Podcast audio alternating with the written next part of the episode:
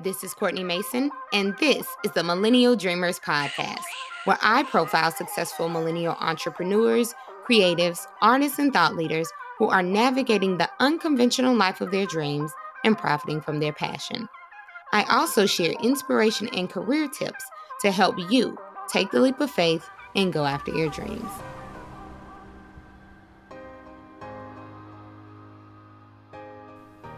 My dear friend, hello and welcome back to the podcast.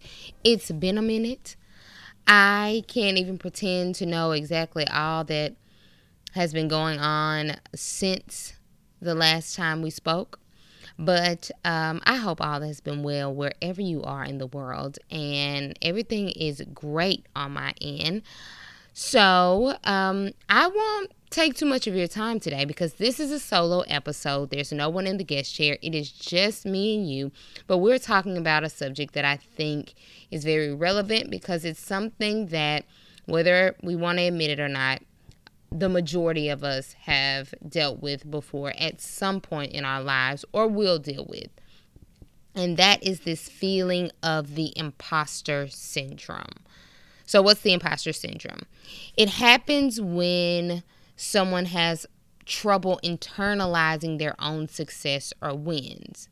It's when individuals feel that their success is a sham of some sort, and sooner or later, somebody's going to come along and they're going to blow the lid off the thing and expose you for being a fraud, right?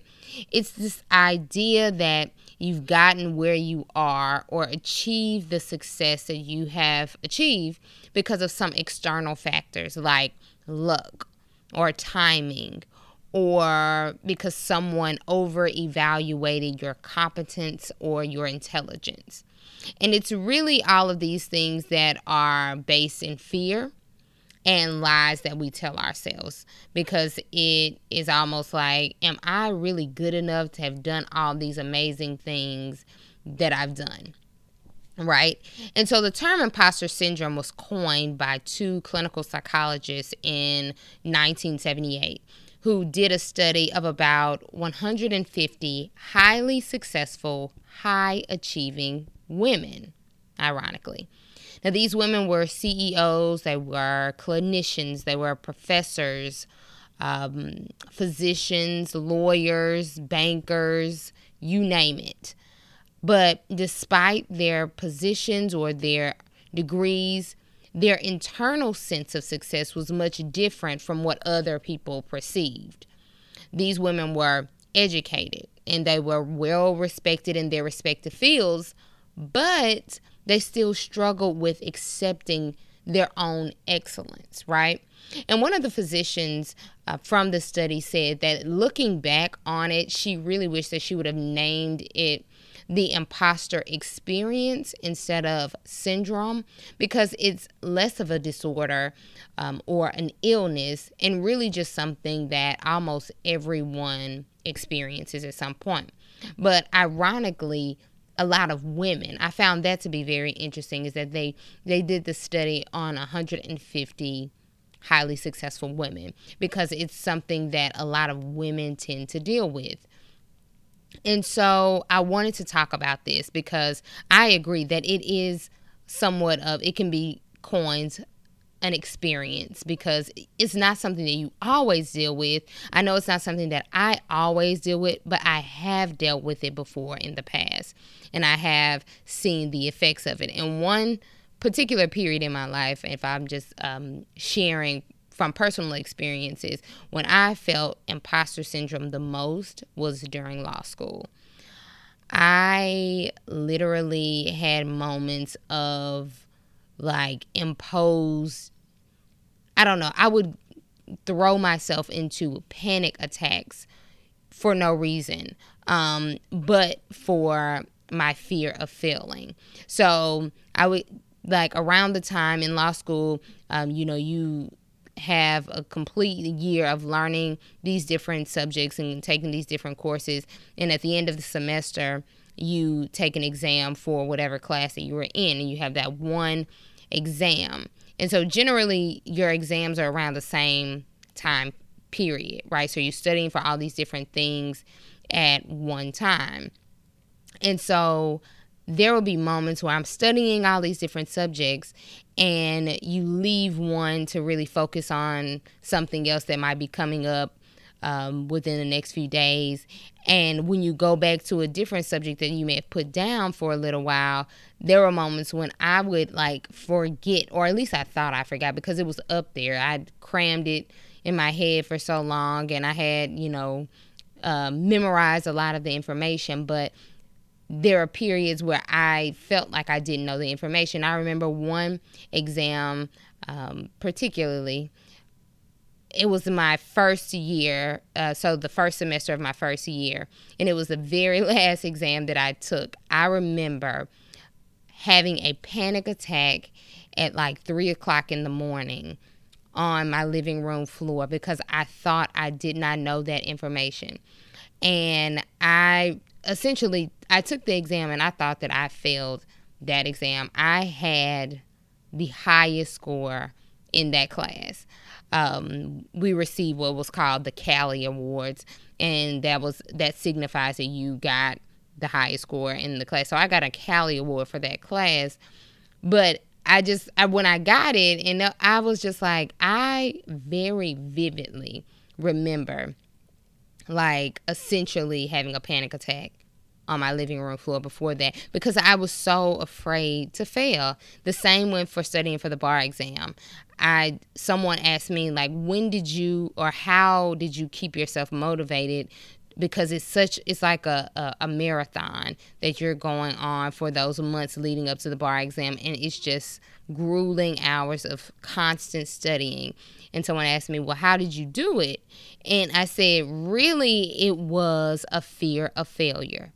For me, failing in law school, whether it was during final exams or whether it was taking the bar exam, I felt the the idea of it was crippling to me because I felt like if I were to fail, I would disappoint so many people, myself included. But then also it would signal to other people around me or to the outside world or it was just in my mind that people cared about how I did in school, but I felt that my any failure on my part would just show people that maybe I wasn't as intelligent as they thought I was, or maybe I wasn't even as intelligent as I thought I was. So that was a period of time looking back when I most definitely suffered from the imposter syndrome and the effects of it. So with that said, I wanted to talk about this so that I can share some things based on research, um, reading different articles about this, and just talking to other people. What are some of the signs um, that you might be experiencing imposter syndrome, and what are some things that you can do? Some very simple and practical steps that you can take to help yourself get over any um, imposter syndrome feelings you might be having. So, one of the signs that uh, you might be experiencing imposter syndrome is perfectionism. If you obsess about every little thing related to the work before you release it, you rewrite it, rework it, redo it, rename it, um, just anything that will stall putting the work out because you believe that if you release release that thing that you've been working on creatively or um, or for your job or for school um, and there's even the smallest of errors. Someone will determine that you're unqualified or you're unintelligent or you're incapable of doing the work that you're aiming to do or creating the thing that you're aiming to create. So you just kind of are paralyzed with perfectionism because you want it to just be uh, blemish free before you release it. And that just stalls you. And that's going to cause procrastination and things of that nature. So that might be a sign that you're ex- experiencing imposter syndrome. But also, anxiety is something else. If you have a lot of stress related to it, or you even feel depressed about some of the things that you're working on um, because of this feeling of, am I good enough? That might be a sign as well. We talked about fear of failure. That's the third thing. You believe that if you fail, you might be the laughing stock for me, studying for the bar exam was the thing that really kind of heightened it, even though all through law school I kind of felt some of that. But not passing the bar exam was something that I just could not fathom um, for myself. And newsflash, you can lose or you can fail and still win. You can fail and still be successful. You can go through a period of challenges and still come out on top because most people do. Um, for me specifically, one person that I can look to as an example of that fact was Michelle Obama. Michelle Obama went to law school, and the first time she took the bar exam, she failed it. This is one of the most revered women um, in our culture today, in society today, and she failed. And that wasn't the only time that she did. And so that just goes to show that failure is a part of the process. Every successful person has dealt with it, but we can't let that fear of failing become debilitating. So um, that was the third sign of that you might be experiencing imposter syndrome. But the fourth one is discounting praise that you might receive. You could have cured cancer, but you're still like, oh no, you know, it, I mean, it was nothing. That's the least I can do for spending my entire life on this one disease, you know, just really trying to figure out how I can cure this one thing. The least I can do is come up with a cure, you know, just being um, overly modest, almost self deprecating when it comes to receiving praise. You don't want to hear it. Um, you just really try to minimize it when people try to tell you that you're doing amazing things or you're an amazing person or whatever the case may be. So that might be a sign that you are dealing with an imposter syndrome. So, if any of those signs appear or you notice them within yourself, what are some things that you can do to kind of overcome it? I came up with, or I have four very easy and practical things that almost might seem like no brainers. But um, I wanted to share them so that you know we can. It's something that I have had to do to help me get over my moments when I experience it. So I'm sharing them with you. So the first thing, identify it when you recognize some of those signs that we just mentioned. Admit to yourself, I am feeling these things, right? I know that this is what this is. I know that the anxiety anxiety that I'm feeling right now is related to my um, uh, feeling like I'm not good enough or, or, I'm not smart enough or that I don't want to um, disappoint myself or my family and friends or anyone who believes in me.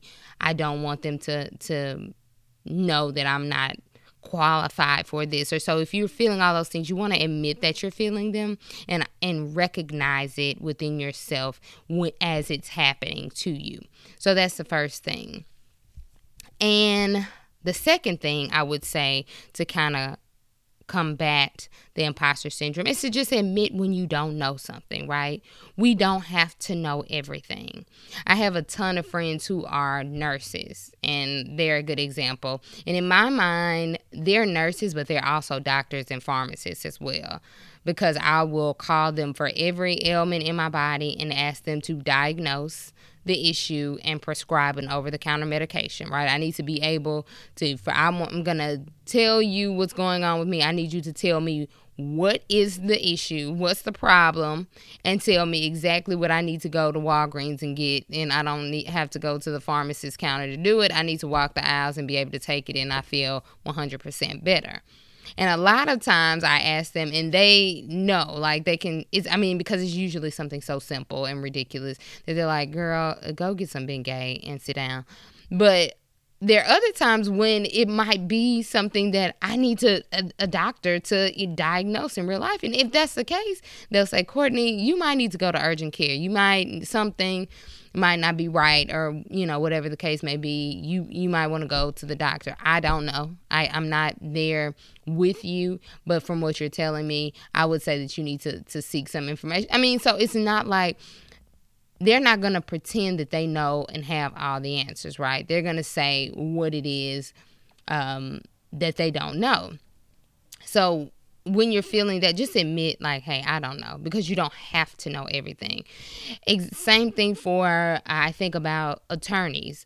Um, a lot of times, and any attorney you ask or will tell you the same thing, is that you get a lot of questions maybe for, you could be doing something like, um, oil and gas work working as at a private law firm and someone who's dealing with maybe a family law issue will come and ask well can you take on this case for me or can you help me with my um, child support thing or can you help me with um, this succession that I have for my family. And if you're not dealt with it before, it's just kind of like, well, I don't deal with this. This is not my area of expertise or the practice area that I'm aware of. And if that's the case, you just say it and direct them to someone who can help them. Admit that you don't have to know everything. You can be a genius person at one thing or one area and not know diddly squat about something else. It's completely fine, and we have to be able to accept that fact. So that's the second thing admit that you don't know everything. Um, the third thing is to possibly tell someone when you're feeling those imposter syndrome feelings or write it down. I know a lot of people don't want to say because that's that's really what the thing is. You don't want to be found out um, by uh, the public at large or loved ones um, when you're feeling those things or n- not really sure. Um, but sometimes there's a trusted friend that you can talk to. And if there is not, or you just choose not to talk to someone, write down what you're feeling and just kind of get it out of your head so that you can deal with those um, those thoughts. And then lastly, lie to yourself. Right? When you are feeling unsure, unqualified, not really confident in your excellence, lie to yourself and speak the things that are not the case. If you're feeling, you know, if you're not feeling confidence, tell yourself, you know what, I'm amazing and I'm crushing this right now. Like I am doing the, the absolute best you know, I'm just on top of it. Just use your words to overcome those feelings. There's power in the tongue. We hear it all the time.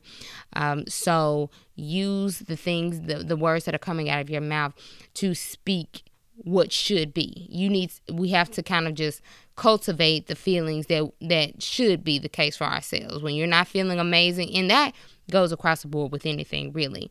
Um, tell yourself if you're not feeling beautiful, I am beautiful. I look amazing today. I'm going to kill this presentation. All the things that kind of just are you're not sure about.